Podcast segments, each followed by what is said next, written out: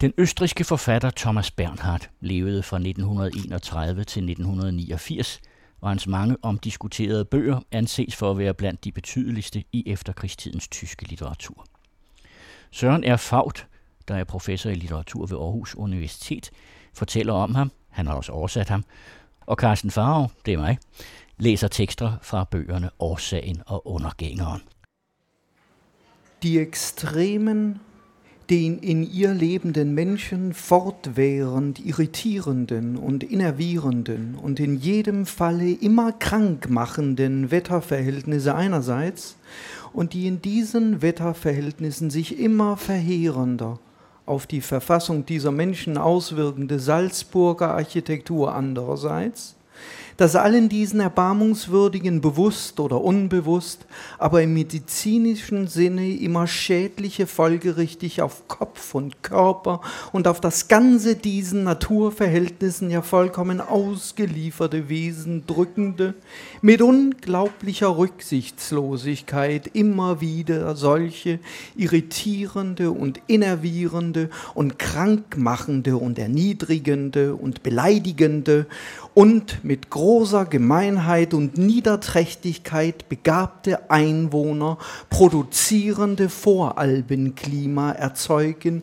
immer wieder solche geborene oder hereingezogene Salzburger, die zwischen den von den Lernenden und Studierenden, der ich vor 30 Jahren in dieser Stadt gewesen bin, aus Vorliebe geliebten, aber aus Erfahrung gehassten, kalten und nassen Mauern, ihren bornierten Eigensinnigkeiten Unsinnigkeiten, Stumpfsinnigkeiten, brutalen Geschäften und Melancholien nachgehen und eine unerschöpfliche Einnahmequelle für alle möglichen und unmöglichen Ärzte und Leichenbestattungsunternehmer sind. Byen er befolket af to mennesketyper. Folk, der laver forretninger, og offrene for disse forretninger. For den lærende og studerende, ja for en hvilken som helst natur, er byen kun beboelig på den smertefulde, forstyrrende, med tiden forvildende, fortærende, meget ofte ondskabsfuldt dødelige måde. På den ene side er der de ekstreme vejrforhold, som uophørligt forstyrrer og enerverer menneskene, der bor i byen, og som under alle omstændigheder gør dem syge. På den anden side er der den salzburgske arkitektur, der under disse vejrforhold har en stadig stigende katastrofal virkning på disse menneskers tilstand. Dette klima tæt på alberne, der for alle disse stakkels mennesker, uanset om de er bevidste eller ubevidste derom, i medicinsk forstand altid er skadeligt, og som konsekvent trykker mod hoved og krop og mod hele det væsen, der er fuldkommen udleveret til disse naturforhold. Dette klima der med en ufattelig hensynsløshed konstant frembringer sådanne forvildede og enerverende og sygdomsfremkaldende og fornedrende og fornærmende og med stor gemenhed og nederdrægtighed begavede indbyggere, ja, som hele tiden frembringer sådanne indfødte eller inddrevne salzburgere, der mellem de kolde og våde mure, som de lærerne og studerende jeg selv tilhørte i denne by for 30 år siden, i begyndelsen elskede af forkærlighed, men som de med erfaringen kommer til at hade, udlever deres bornerte ensindigheder, meningsløsheder, dumheder, melankolier og driver deres brutale forretninger, og som udgør en uudtømmelig indtægtskilde for alle mulige og umulige læger og ligkiste mænd. En person, der voksede op i denne by efter ønske af dem, der besad forældremyndigheden, men mod sin egen vilje, og som fra sin tidligste barndom med sit største følelses- og forstandsberedskab over for denne by, på den ene side var indespærret i den skueproces, som dens verdensberømmelse var, indespærret i en pervers skønheds- og løgnagtighedsmaskine, som producerede penge og atter penge, og som på den anden side i sin på alle måder ubeskyttede barndoms- og ungdoms middel- og hjælpeløshed var indespærret i en angst- og hårdfæstning. En sådan person, som var dømt til denne by som sin karakter- og åndsudviklingsby, har som ingen anden en forfærdelig erindring om den og dens eksistensomstændigheder. En snarere trist erindring, som hverken for groft eller lidt færdigt udtrykt, stiller hans tidligste og tidlige udvikling i dystert og mørkt skær, og som under alle omstændigheder har været skæbnesvanger og i stigende grad afgørende for hele hans eksistens. Ja, sådan blev vi smidt direkte ud i Thomas Bernhardt. Velkommen og velkommen til Søren Faut, som jo ud af at undervise i tysk på Aarhus Universitet, også er oversætter af blandt andet Thomas Bernhardt. Også en af Thomas Bernhards yndlingsfilosofer, Schopenhauer, har han oversat. Og øh, vi skal tale om Thomas Bernhardt i dag, fordi øh, det lader til, at han her en hel del år efter sin død pludselig er blevet populær i Danmark. Han bliver i hvert fald oversat. Det er sandt. Det gør han.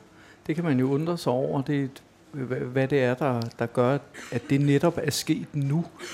Øh, jeg tror sådan set ikke, at der er nogen sådan større metafysisk mening med det, eller bagvedliggende mening med det. Det er sådan tilfældigt tit. Det er ligesom om, at, at, at, at nogle gange så er der sådan en snebold, der begynder at rulle, og, og nu er Bernhard snebolden begynder at rulle i Danmark, og, ja.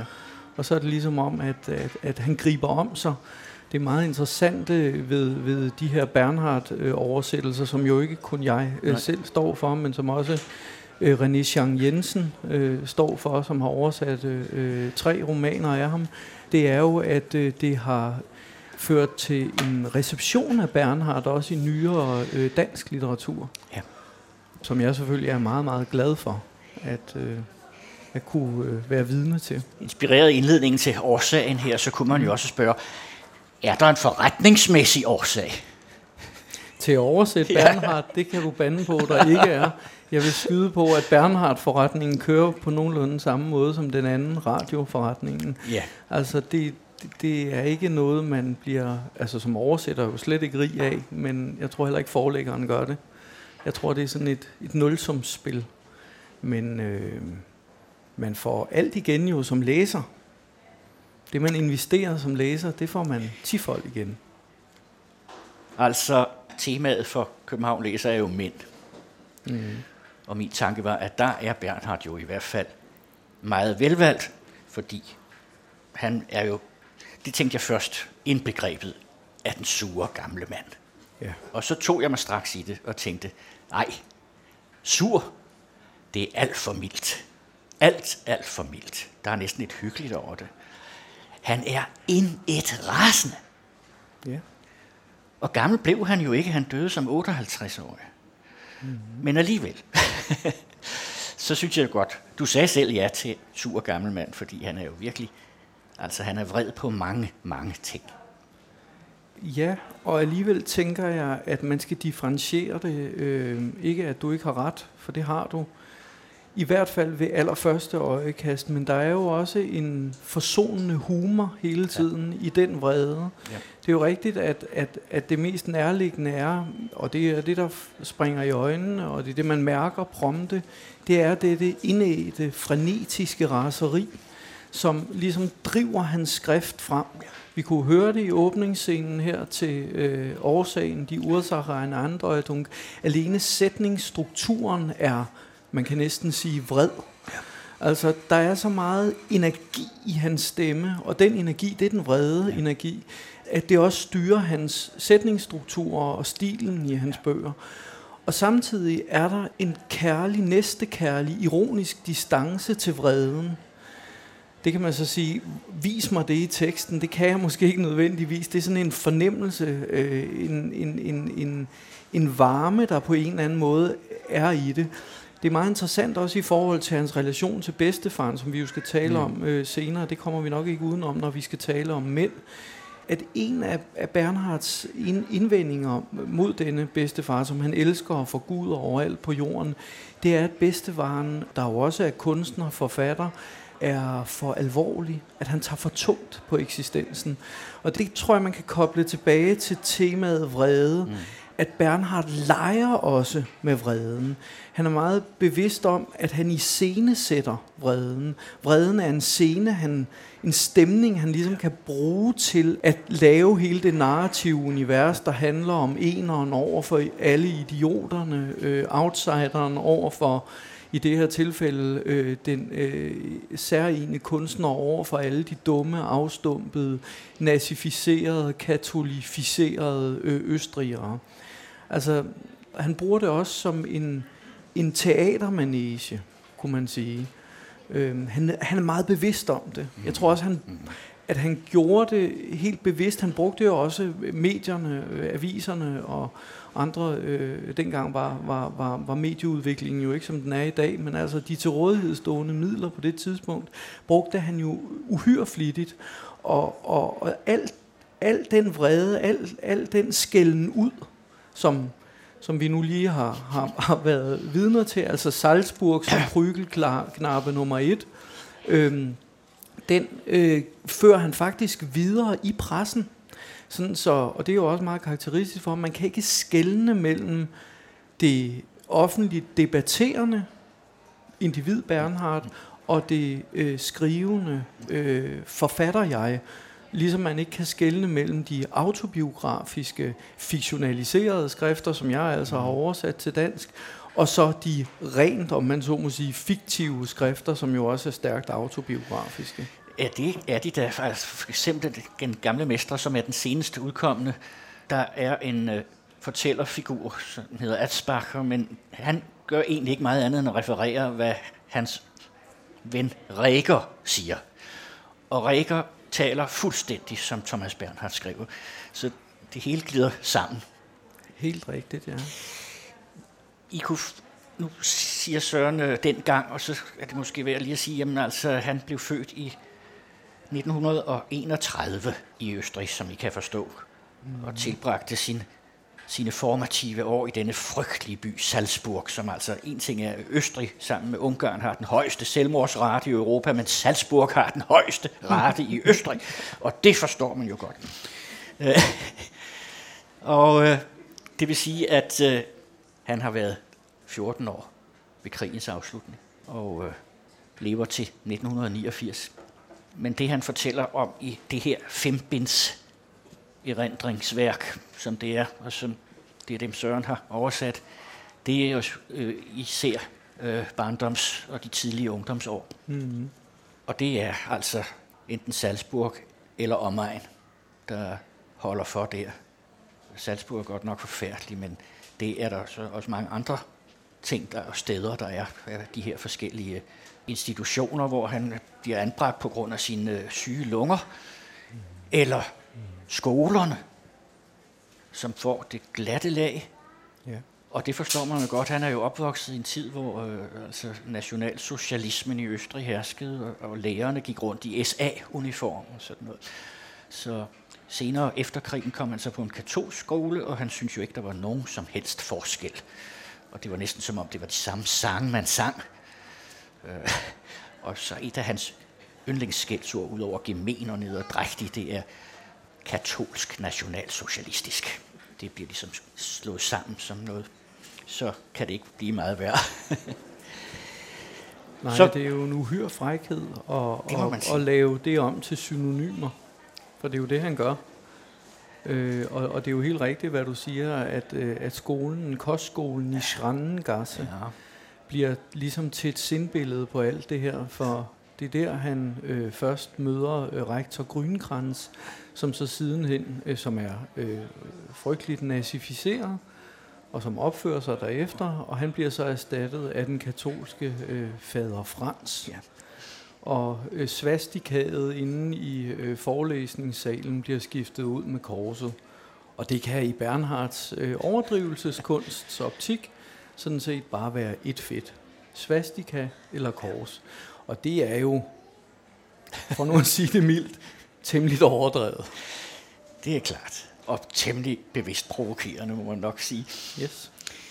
I hørte måske her, det blev de strejfet i det citat, vi indledte med her, at øh, efter ønske af dem, der besad forældremyndigheden, men mod sin egen vilje.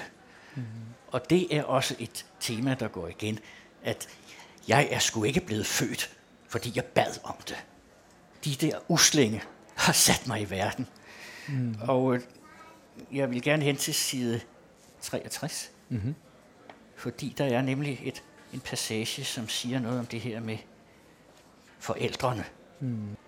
Og det er et kapitel, ja, det, der er faktisk to kapitler i den her bog, ellers plejer det at være lige ud i en køre alt sammen. Men her kommer onkel Frans, som altså er efterfølgeren for Grønkrans. Vi sættes i verden, men opdrages ikke. efter at have skabt os, går vores ophav løs på os med hele deres stupiditet, med hele den menneskeødelæggende hjælpeløshed, og ødelægger allerede i løbet af de tre første leveår alt i det nye menneske, som de intet ved om, kun hvis overhovedet noget, at de hovedløst og ansvarsløst har lavet dette menneske. Og de ved ikke, at de dermed har begået den største forbrydelse. I fuldkommen uvidenhed og gemenhed har vores ophav og dermed vores forældre sat os i verden. Og når vi nu engang er der, bliver de aldrig færdige med os. Alle deres forsøg på at blive færdige med os mislykkes. De giver tidligt op, men altid for sent. Altid først i det øjeblik, hvor de for længst har ødelagt os. For i løbet af de tre første leveår, de afgørende leveår, hvilket vores forældre ikke ved, ikke vil vide noget om, ikke kan vide noget om, fordi der igennem århundreder altid er blevet gjort alt for deres forfærdelige uvidenhed, har vores ophav ødelagt og udslettet os med denne uvidenhed, og altid ødelagt og udslettet os for hele livet. Og sandheden er, at vi på jorden kun har at gøre med mennesker, som i de første leveår er blevet ødelagt og udslettet, og ødelagt for livet af deres uvidende og gemene og uoplyste ophav af deres forældre. ja. Jamen, måske skulle man fortælle radiolytteren, at publikum klukler. ja, det det gør man, og derfor det var det jo også et meget godt eksempel på, at humoren er der jo altså. Nedenunder alt det her fråderi, der er der også humor. Ja, fordi det jo er så overdrevet, ja. at det bliver en karikatur. Ja. Og det ved forfatteren godt. Ja. Og det bliver drevet helt ud i, i det absurde. Ja. Altså han øh, øh, øh, overdrivelseskunstner, altså som term, som beskrivende term for Bernhard, er jo en term, han selv præger eller bruger i øh, den store roman Auslöschung, Udslettelse, der taler han simpelthen om overdrivelseskunstner. Ja. Øh, og det er jo det, han er. Ja. Det er det høj grad. Men øh, vi skal alligevel tage det alvorligt, det her. Og apropos mænd og så videre, hvis vi, hvis vi ligesom skal sætte det ind det, i den ramme ja. igen, så er det jo det her, det er jo individet over for den opdragende myndighed, her repræsenteret igennem forældrene. Men det kan sådan set være en hvilken som helst form for autoritativ instans. En skole, et, øh, en, en stat. En øh, læge. En læge. Uh, ja. Netop lærer ved intet. Nej. og, og, og det er altså, i, i virkeligheden har vi jo med et urgammelt godt tema i den europæiske åndshistorie at gøre, nemlig hvordan kan et jeg overhovedet blive et jeg i verden med de andre. Vi er på godt, men i høj grad hos Bernhard på ondt kastet ind i verden med andre. Og disse andre gør, ifølge det her narrativ, alt, hvad de kan for at ødelægge dette jegs muligheder for at komme til sig selv. At stå ind i eksistensen selv. Og, øh, og de får så bare på hatten den ene gang Det er jo nok også her, vi så lige skal sige, jamen hvordan var det så med Bernhards forældre? Det fortæller han jo om i det her værk. Mm. Han har aldrig kendt sin far. Nej. Faren forsvandt lynhurtigt ud af morens liv, mm. og var en øh, person, man ikke talte om overhovedet. Ja. Han har fået at vide, at faren altså flyttede til Frankfurt an der Oder, tror jeg, og fik fem børn, mm. og døde tidligt osv., men han har aldrig kendt ham. Ja. Og han men, er meget fraværende ja. af, af den grund selvfølgelig ja, også, klart. men han kunne jo godt have været mere nærværende, også som tema ja. i sit fravær. Ja. Men han er fraværende. Det er han. Men man kan jo selvfølgelig tænke over, hvad det har betydet mm. for drengen Bernhard. Mm. At han heller ikke kunne få noget at vide om faren, fordi hvis han prøvede at spørge, så blev der totalt tavshed derhjemme. Men han fornemmer jo, at moren har set faren i ham, i drengen. Mm. Og det er i høj grad, at faren, hun har hævnet sig på ja. ved at tugte drengen, ja. som hun jo virkelig ja. gjorde. Ja. Og han elskede hende jo alligevel. Hun døde også temmelig ung, tidligt, mm. mens øh, den unge Bernhard lå på hospitaler og sanatorier og døde både bedstefaren og mor.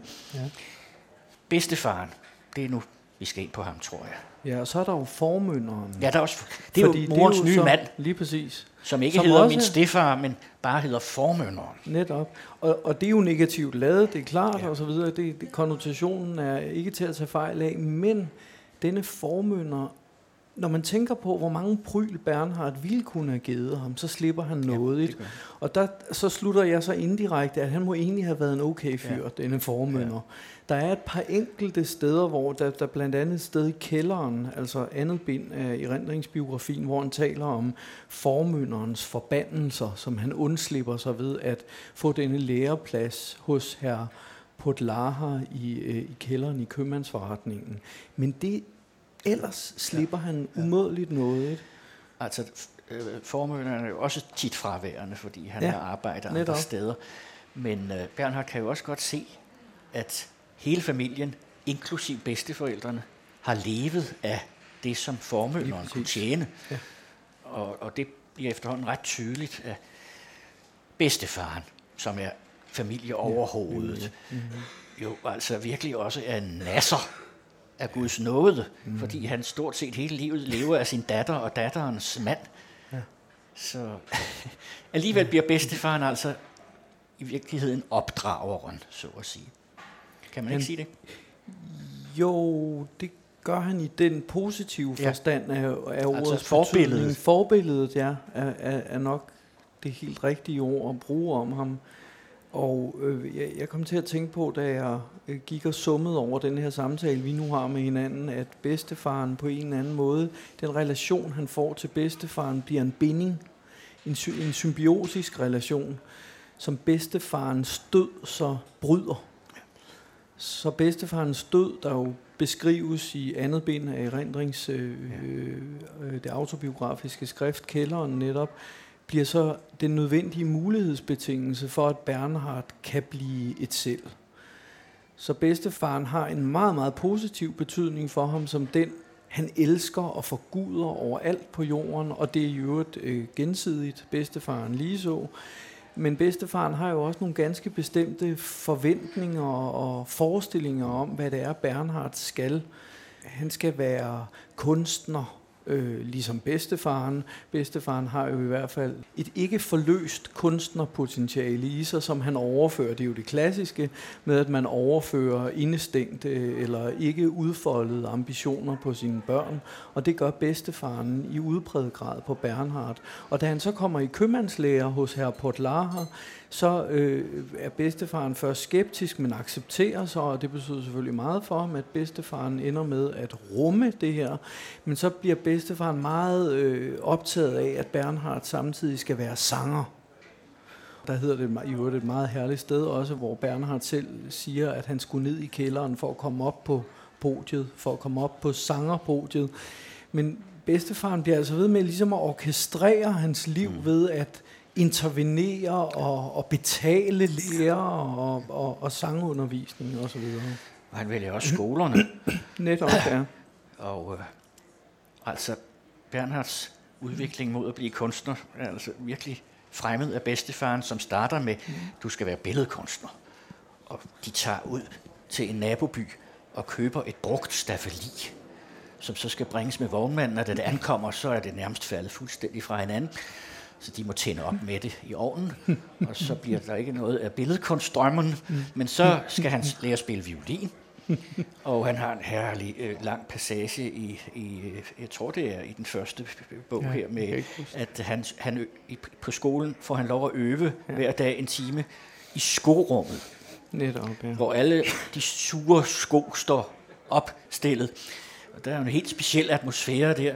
Men han altså nyder på den ene side at være alene der med sin violin, og han fantaserer løs på violinen. Samtidig så er det mm. der, han udvikler sine stærke øh, selvmordstanker. Mm. Og han fantaserer i den grad om at hænge sig i skorummet. Så kommer sangerdrømmen der, som mm. er lige ved at have noget på sig, ja. men så bliver han jo syg med lungerne, og så bliver det svært at, at gennemføre den karriere. Mm. Og det er mærkeligt, at bedstefaren, som selv sætter sig i et koldt lokale med et hestedækken om sig hver morgen og skriver på sin store roman, at han ikke har tænkt på, at Bernhard skulle være forfatter. Men det har han åbenbart ikke. Men det er det, det ender med alligevel. det er det, det ender med, ja. ja. Og ja, det er rigtig bedste, for han står jo op hver morgen klokken 3 ja. for at arbejde på dette værk, dette livsværk, som det jo er, som han har arbejdet på i 15 år og som er på 1500 sider, og som hedder Das Tal der Sieben Høfe. De syv gårdes dal. Øh, man hører ikke om indholdet i dette storværk, men man hører om bedstefaren, som, som det har du klart antydet også, monomane, men også egomane, ja. utroligt selvoptaget. Han, han, han sidder i det der hus omgivet af mennesker, der prøver at forsørge familien og arbejder på det der utopiske værk, mens netop altså formønderen sørger for, at de har noget at spise. Ikke? Og den del af virkeligheden, i det hele taget virkeligheden, den kan bedstefaren ærligt talt ikke tage sig af, fordi han har det her værk, han skal, skal, skal sætte i verden. Så han er jo utopisten. Ja. Og det er derfor, at det bliver så afgørende for Bernhard at gå i den modsatte retning, som han siger i kælderen, og gå i købmandslærer hos herr Potlara, fordi bedstefaren af bedstefaren, det er det han siger, har han lært at iagtage menneskene på afstand. Men af herr Potlara lærer han at blive konfronteret med menneskene. Og den, uden den balance vil han ikke selv være i stand til at kunne leve. Bedstefaren kan nemlig kun én ting.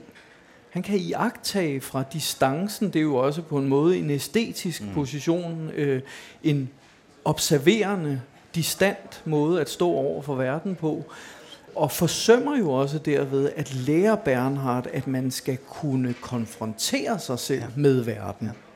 Og det bliver jo i virkeligheden en meget vigtig del af hans egen kunst. For den er jo, det har vi jo hørt allerede nu, stærkt konfrontatorisk, ja, ikke? Og han virer jo ikke tilbage for den, for det sammenstød med omverdenen, Nej. som bedstefaren altså trækker sig fra ved at isolere sig i den her eneboer øh, eksistens. Bedstefaren har jo været socialist og kommunist hele livet, og, og øh, også nærmest anarkist, men det er på det teoretiske plan, mm. kan man sige. Der er et stykke her fra sidste bind, Barnet, mm-hmm det foregår nemlig ikke strengt kronologisk, det her selvbiografiske værk, så øh, sidste bind er sådan set det første, rent kronologisk. Mm. Meget ofte forestillede jeg mig, at jernbanebroen styrtede sammen. I mange af mine drømme ser jeg i dag stadig billedet af den sammenstyrtede bro foran mig, min barndoms elementær katastrofe. Vognene, der blot hang i en tynd tråd over den brusende flod, uden på hvilke der hang lutter lig og overlevende, der skreg og sprællede i katastrofevinden. Akkurat som mine drømme fra den tidligste barndom i det hele taget kulminerede i revnede byer, sammenstyrtede broer, afrevne tog, som hang ned i dybet. Denne jernbanebro var det mægtigste bygningsværk, jeg på det tidspunkt havde set. Hvis vi bare kunne anbringe en helt lille pakke dynamit ved en af de bærende bjælker og bringe den til eksplosion, så ville hele broen uværligt styrte sammen, sagde min bedstefar. I dag ved jeg, at han havde ret. Et halvt kilo sprængstof er nok til at få broen til at styrte sammen. Forestillingen om, at en lille pakke sprængstof på størrelse med vores familiebibel ville være nok til at få den langt over 100 meter lange bro til at styrte sammen, fascinerede mig mere end noget andet. Men det krævede, at man kan antænde lunden langt væk fra dynamitten, sagde min bedstefar, så man ikke selv ryger i luften sammen med broen. Anarkister er jordens salt, sagde han igen og igen. Jeg var også fascineret af denne sætning, det var en af hans vanesætninger, hvis hele, hvilket vil sige fuldkommende betydning, jeg naturligvis først kunne forstå lidt efter lidt. Jernbanebroen over Traven, som jeg kiggede op på, som var det min allerstørste uhyrelighed, selvfølgelig en langt større uhyrelighed end Gud, som jeg gennem hele mit liv intet har kunne stille op med, var for mig det højeste, og netop derfor havde jeg altid spekuleret på, hvordan jeg kunne få dette højeste til at styrte sammen. Min bedstefar havde sat mig ind i alt det, der skulle til for at få broen til at styrte sammen. Ved sprængstof kan man ødelægge alt, hvis man vil. I teorien ødelægger jeg hver dag alt, forstår du, sagde han. I teorien er det muligt hver dag og i et hvert øjeblik, man ønsker det, at ødelægge alt, at få det til at styrte sammen, udslette det. Denne tanke betragtede han som den allermest storartede. Jeg gjorde denne tanke til min egen, og har leget med den hele livet. Jeg dræber, når jeg vil. Jeg får ting til at styrte sammen, når jeg vil. Jeg ødelægger, når jeg vil.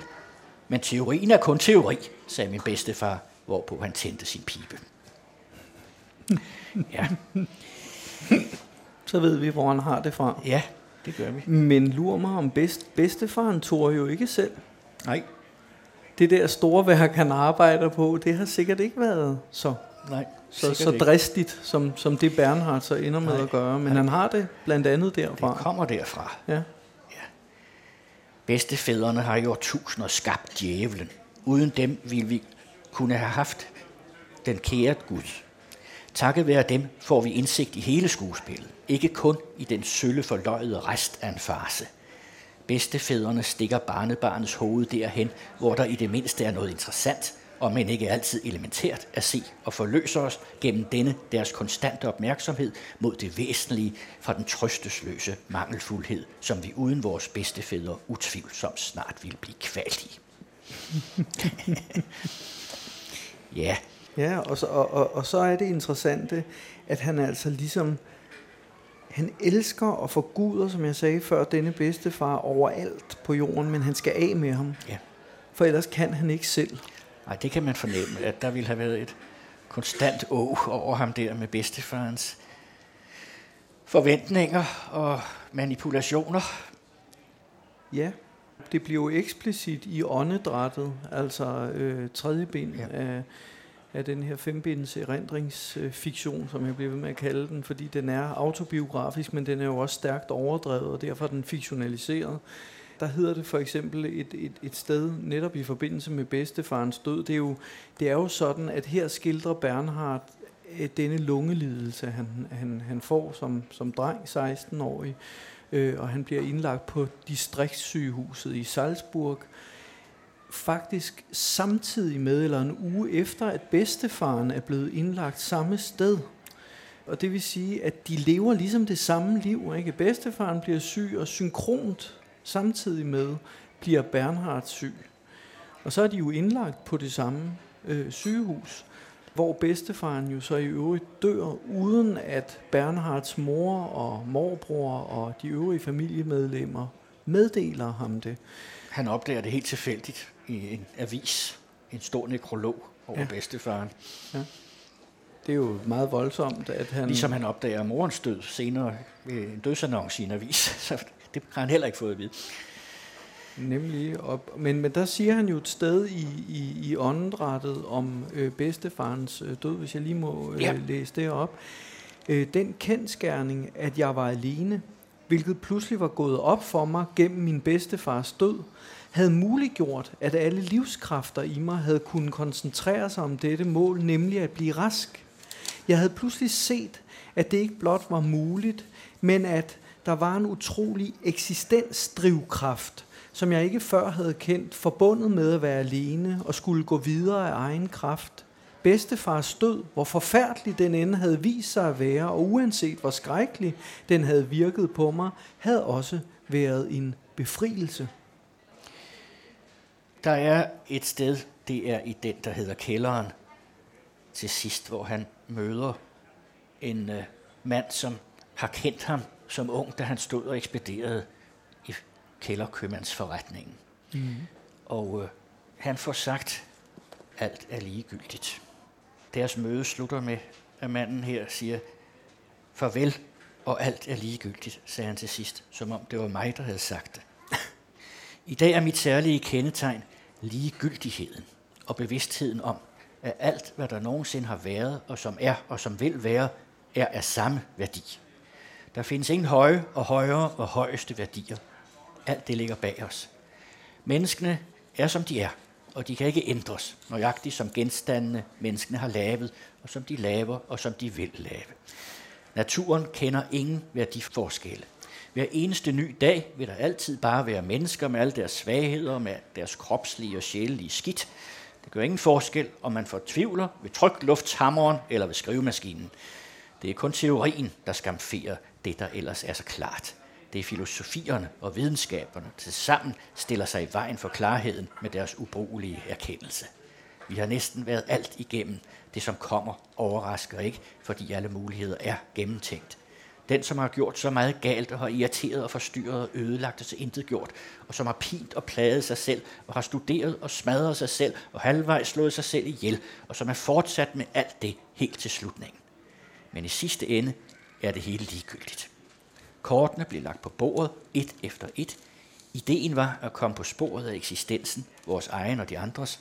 Vi genkender os selv i alle mennesker, uanset hvem det er, og er dømt til hver og en af dem, lige så længe vi eksisterer.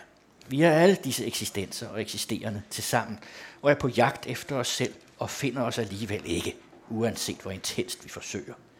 Vi drømte om oprigtighed og klarhed, men det blev ved drømmen. Vi har ofte givet op og er begyndt igen, og vi kommer ofte til at give op igen og begynde forfra. Men det er alt sammen ligegyldigt.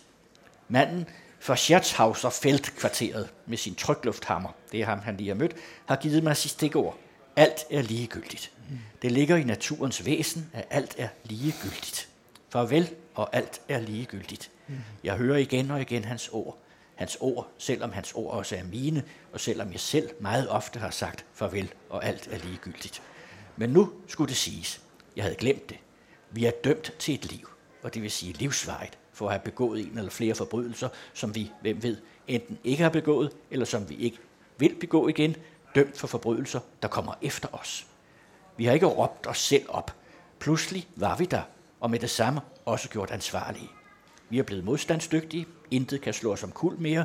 Vi hænger ikke længere fast i livet, men vi giver det heller ikke væk for billigt, havde jeg ville sige. Men jeg sagde det ikke. Af og til løfter vi alle hovedet og tror, vi skal sige sandheden, eller den tilsyneladende sandhed, og trækker den igen tilbage. Det er alt. ja, det er det. Jeg tror, det var det, jeg prøvede at formulere, blandt andet også det, jeg prøvede at formulere i begyndelsen, da vi talte om, om den humor, der er ja. inde bag vreden. Den kommer jo netop fra den her ligegyldighed, eller som han siger i en pristale, det er jo disse ustyrligt morsomme pristaler, som er udkommet posthumt øh, Meine Preise i en udgave på Surkamp Forlag i 2008, der kan man læse det. Den han holder, øh, da han modtager der Østerreichische Staatspreis for litteratur, under tilstedeværelse af ministeren herr Piffel Percevich. Og han siger de ofte citerede ord, konfronteret med døden, eller alt er latterligt, når man tænker på døden. Ikke? Alles ist lächerlich angesichts des Todes. Den evne havde bedstefaren ikke. Bedstefaren var ikke i stand til at se så distanceret på livet. Og det er det, Bernhard kan og gør hele tiden. Og det er, og det er også det, der gør, at, at det bliver så befriende at læse det i virkeligheden. Fordi i modsætning til, til det, som mange måske tror, så er det faktisk opløftende og byggeligt. De par gange, hvor vi har talt øh, sammen uden mikrofon om Bernhard, har vi også grinet meget. Og, ja. og, og der er en utrolig stærk forløsende humor i, i, i den her sindssygt pessimistiske, sorte måde at betragte eksistensen på. Fordi hans udlægning af, af, af livet er jo flugter fuldstændigt med Schopenhauers tydning af eksistensen som en miserabel lidelses karusel, som vi ikke kan undslippe, og forældrene netop som skyldige i, at vi er kommet ind i eksistensmaskinen og skal gemme eksorcere og eksistere denne eksistensmaskine, som koster os livet osv. Hele den måde at tale om livet på er jo, øh, er jo grotesk sort, men den er også utroligt befriende og, og morsom. Og den har noget med den ligegyldighed mm-hmm. at gøre. Og det er den samme ligegyldighed, som går hånd i hånd med det utrolige mod, Bernhard må have haft. Altså den måde, han konfronterede østrigerne øh, på, det var jo heller ikke rimeligt altid. Det, det var jo netop også overdrevet. Men han har været fuldstændig frygtløs og helt utroligt ligeglad med, hvad folk mente og tænkte om ham. Og det synes jeg som har gået i flinkeskolen hele mit liv, er meget beundringsværdigt, og det står jeg og kigger måbende ind på, og tænker, hold da op mand, hvor er han bare sej. At han bliver ved med at opsøge den her konfrontation. Lige inden han dør, bliver hans øh, stykke Heldenplads jo opført på Burgteater, hvilket i øvrigt udløser folkedemonstrationer øh, ude foran teatret og øh, lange skriverier i aviserne om, at øh, stykket skal tages af plakaten, og man ønsker et forbud osv. Men og Bernhard er fuldstændig ligeglad. Han bliver ved med at indtage positionen som den, der helt overdrevet og unuanceret står og peger fingre af sine landsmænd og siger, I er nazister og katolikker osv. Ja. Ikke? Hvor, hvorfor nuancerer han ikke budskabet? Men det gør han ikke, fordi han er utrolig modig og kompromilløs. Fortæl lige, hvordan det endte med den prisoverrækkelse. Ja, det ender så med, at øh, ministeren, som er medlem af Österreichische Volkspartei, som i øvrigt ikke er det samme parti, som Jörg Haider kom fra, men sikkert også er langt ude på højrefløjen, han bliver så rasende over den øh, tale, den takketale Bernhard holder, at han rejser sig op og går og knaller glasdøren i stykker nede for enden af salen. Og, og jeg kan huske første gang, jeg læste den herlige bog med pristalerne, som er så sjov, fordi Bernhard også fortæller om rammen. Han, han indfører ligesom læseren i alle de tanker, han gjorde sig, inden han skulle hen og modtage prisen, og og det er hysterisk morsomt at læse om, fordi han, han bliver ved med at køre rundt i, at det er jo der Österreichische Staatspreis for litteratur, men det er den lille statspris for litteratur. det er ikke den rigtige. Den hedder nemlig der Große ikke? Det er großer Österreichischer Staatspreis, og det er ikke den, han har fået. Nej, han får den lille pris, og så videre. Og det er så der, han giver denne tale, og ministeren forlader øh, rummet i vrede, og og, og sådan er det med alle de der takketaler, han holder, da han modtager Büchnerprisen, som jo er den øh, mest prestigefyldte litterære pris, man kan modtage i det tysksprogede område. Der holder han en fuldstændig sort tale om livets absurditet og meningsløshed og sprogets mangelfuldhed osv. Sådan fuldstændig fragmentarisk, usammenhængende vrøvl og vås. Og hvem gør det? Altså, vis mig den danske forfatter, der nu og øh, i, historisk har, har praktiseret en, en lignende adfærd. Altså jeg mener, hvis man modtager akademiets store pris og stiller sig op og sviner akademiet til, for det er det, han gør. Altså, den måde, han omtaler de største østriske forfattere på, Ingeborg Bachmann for eksempel, den store lyriker, øh, Heimito von Doderer, Elias Canetti, som han kalder en alibi-jøde. øh, stifter. Han, ja, stifter, ja, stifter, som vi stifter bekendtskab med i Alte øh, Meister, altså øh, gamle mestre øh, i René Jean Jensens oversættelse her, hvor han jo har en lang stifter-ekskurs, som er en lang, fornedrende, øh, øh, latterliggørende beskrivelse af stifter, som så glider langsomt over i en, øh, en beskrivelse af Heidegger, som er hysterisk mod morsom. Altså jeg ved ikke, om du har planlagt at, at læse fra den, men hvis ikke du gør det nu, så skal du gøre det på et andet tidspunkt, for eksempel i Farve Cigar eller et eller andet andet sted, fordi det vil jeg gerne høre dig læse, det der Heidegger-kapitel, ja. med Heideggers nathuefilosofi osv. Ja. Det har jo i virkeligheden også noget med mænd at gøre, det her, fordi det har noget at gøre med, at han hele tiden dekonstruerer patriarken, autoriteten osv. Intet er ham heldigt. Og hvis der er noget, der er bygget op som noget sakralt, så river han det ned. Det er derfor, han er facadenedbryder. Jeg sidder her og brænder med et lille ja, citat også, gerne. som øh, øh, det handler mere om meningsløshed, som jo ikke er det samme som ligegyldighed. Nej. Men øh, ingen har jeg gennem hele livet beundret mere end selvmorderne. De er mig overlegne i alt. Alt har jeg altid tænkt. Jeg er intet værd og hænger fast i livet, og det uanset hvor uskyldigt og mindreværdigt, uanset hvor frastødende og gement, billigt og nederdrægtigt det end måtte være. I stedet for at tage mit eget liv, indgår jeg alle mulige afskyelige kompromiser. Mænger jeg mig med alderen værd og flygter ind i karakterløsheden, som ind i en stinkende, men varmende pels, og overlever på ynkelig vis. Jeg foragtede mig selv, fordi jeg fortsatte med at leve. Mens jeg sad på træstuben, så jeg den absolute absurditet ved min eksistens. Mens jeg gik til min bedstefar på kirkegården og tilbage igen, så jeg mig selv. En jordbunke var hvad der var blevet tilbage af vores rejseplaner. Et tomt værelse bagerst i lejligheden. Urørt hang min bedstefars tøj stadig ved døren og i skabet. På skrivebordet lå sedlerne med notater endnu.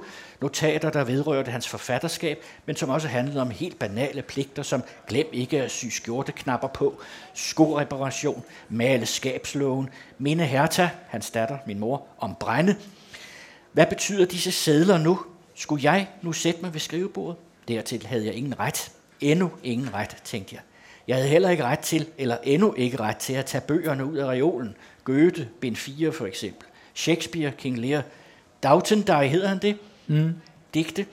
Christian Wagner, digte. Hölderlin, digte. Schopenhauer, Pererke og Paralipomena. Jeg burde ikke røre noget i værelset, som om man ikke kunne udelukke den mulighed, at indehaveren og ejeren af dette værelse og dets indhold hvert øjeblik kunne komme ind og stille mig til ansvar. Har havde den mislykkede, den miskendte forfatter sat sig ned hver dag klokken 3 om morgenen og arbejdet. Meningsløst, hvilket jeg nu måtte indse, og hvilket han selv havde indset. Han havde ikke sagt det, i hvert fald ikke med ord, men han havde hvert eneste øjeblik været af denne opfattelse. Under denne meningsløshed havde han drevet sin disciplin til det yderste. Skabt sig et system, som havde været hans mest uregne, og som i stigende grad var blevet det. I dette system genkender jeg mit eget. At stå op og gå imod meningsløsheden og begynde. Arbejde og tænke udelukkende i meningsløshed. Måtte jeg nu tænke hans tanke videre? Måtte jeg overtage hans system, gøre det til mit eget? Men det havde jo fra begyndelsen også været mit system. Vågne, gå i gang og fortsætte ind til udmattelsen, ind til øjnene ikke overgår at se mere, ikke vil se mere. Stoppe, slukke lyset, udlevere sig til mareridtene, give sig hen til dem som til en højtidelighed uden sidestykke, og næste morgen igen det samme, med den største nøjagtighed, med den største ihærdighed, den foregøjlede betydning. Så bedstefarens eksempel på mm. den her måde har han altså kunne bruge. Ja, den struktur, ikke? Ja. At arbejde sig igennem meningsløsheden, ikke i den forstand, at det så ophæver eksistenstydningen, er nemlig at resultatet er, at eksistensen er meningsløs, men at, at man må have struktur i meningsløsheden for at kunne leve livet. Det har han også lært af bedstefar. Han har i hvert fald set et menneske, der havde den der enorme selvdisciplin, og det ved alle forfattere jo, at hvis man skal skrive bøger, så skal man være meget hård ved sig selv, og så skal man passe sine bøger, og så skal man stå op om morgenen, og så skal man skrive dem. Og det skal man gøre hver dag, og man skal helst ikke springe over han var også en flanør, Bernhard, og sådan. Han, havde jo sådan, han var jo god til at sidde på caféer og, og, og, og læse avis og, og drikke kaffe og spise sachertorte og så videre, hvilket er højst øh, mærkværdigt og overraskende, eftersom det jo er sådan en småborgerlig måde at øh, vegetere på. Men han havde også sin fuldstændig regelmæssige øh, arbejdsdisciplin. Men det ændrer jo ikke ved, at udlægningen af eksistensen er, som den er. Men der er alligevel en form for mening øh, i selve erkendelsesarbejdet, som Schopenhauer siger. Erkendelsens indhold kan være nok så mistrøstigt. Men selve det at erkende er så utroligt opbyggeligt og øh, meningsgivende.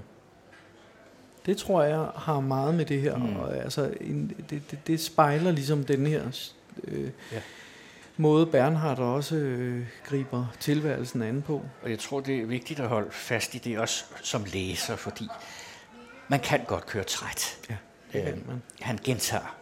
Det er en, en del af hele hans stil, at han går tilbage og gentager med små variationer. Så vi får det samme tykket igennem flere gange. Og øh, selvfølgelig med vredens som drivkraft, men alligevel til sidst så nogle gange til, ej hold nu op så er det heller ikke værd. Men, øh, eller vi behøver ikke at høre det mere, vi har forstået. Men der skal man så lige tænke på, altså, at, at øh, der er også den side af sagen, erkendelsen af meningsløsheden, og hvordan man øh, ligesom gennem erkendelsen kommer ud over den meningsløshed, selvom den bliver ved med at være der.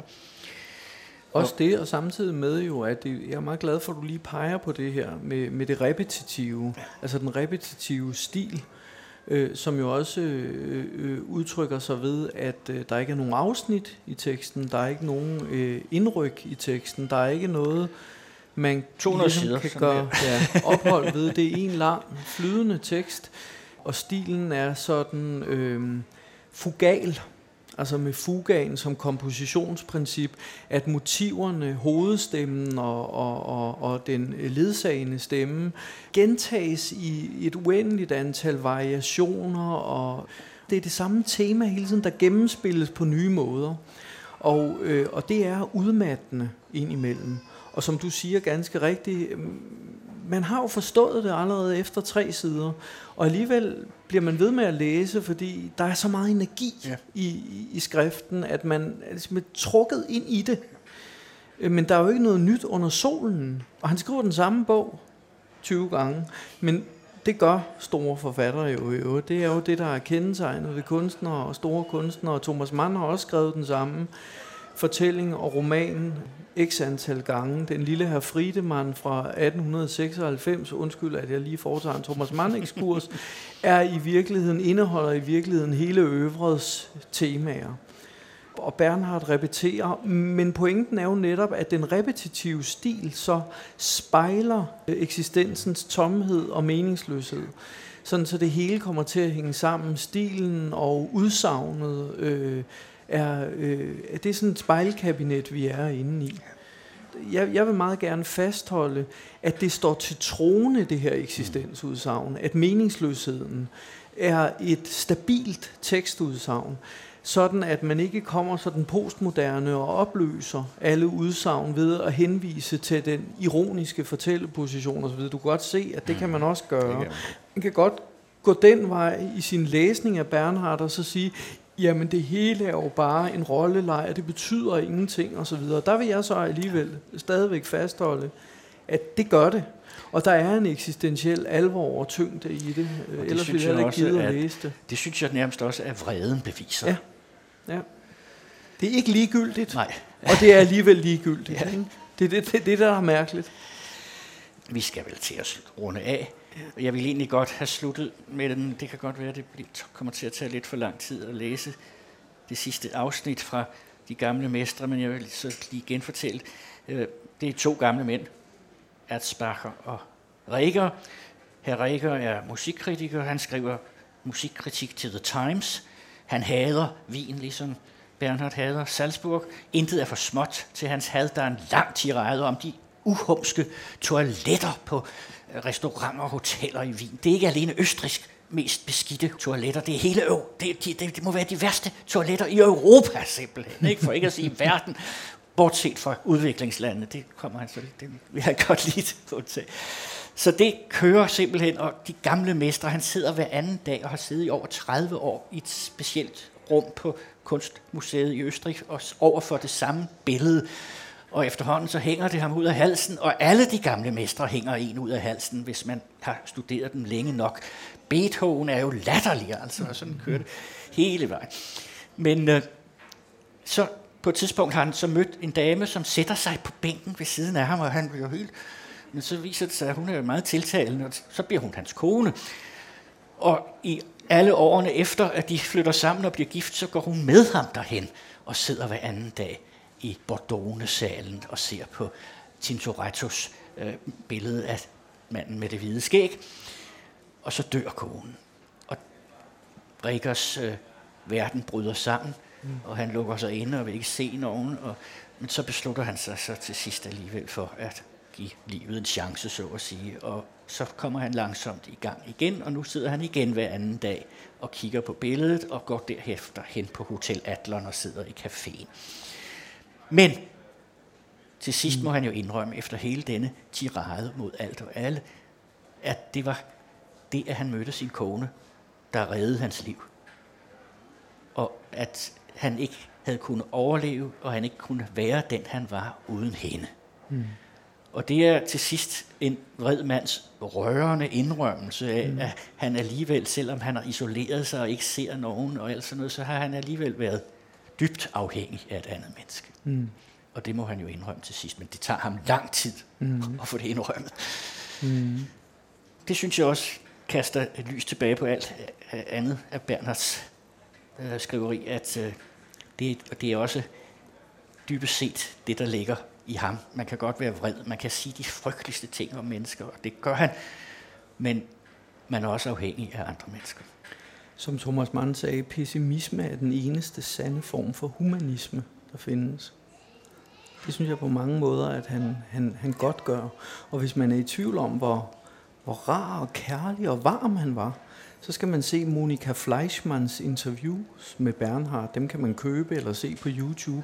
Der får man et meget godt billede af, at han fremstår slet ikke sådan, som han skriver. Mm-hmm. Det synes jeg også er meget sjovt. Jeg håber, at I har fået lyst til dette værk. Og jeg kan også fortælle jer, at Søren er ved at oversætte de her pristaler, så man kan få mere galle på dansk. Tak fordi I gad at høre. Tak til dig. Selv tak, Carsten. I hørte professor Søren R. Faut, der præsenterede den østriske forfatter Thomas Bernhardt, og Carsten Farve læste tekster fra bøgerne Årsagen og Undergængeren. Og det var en optagelse fra festivalen København Læser fra Københavns Hovedbibliotek.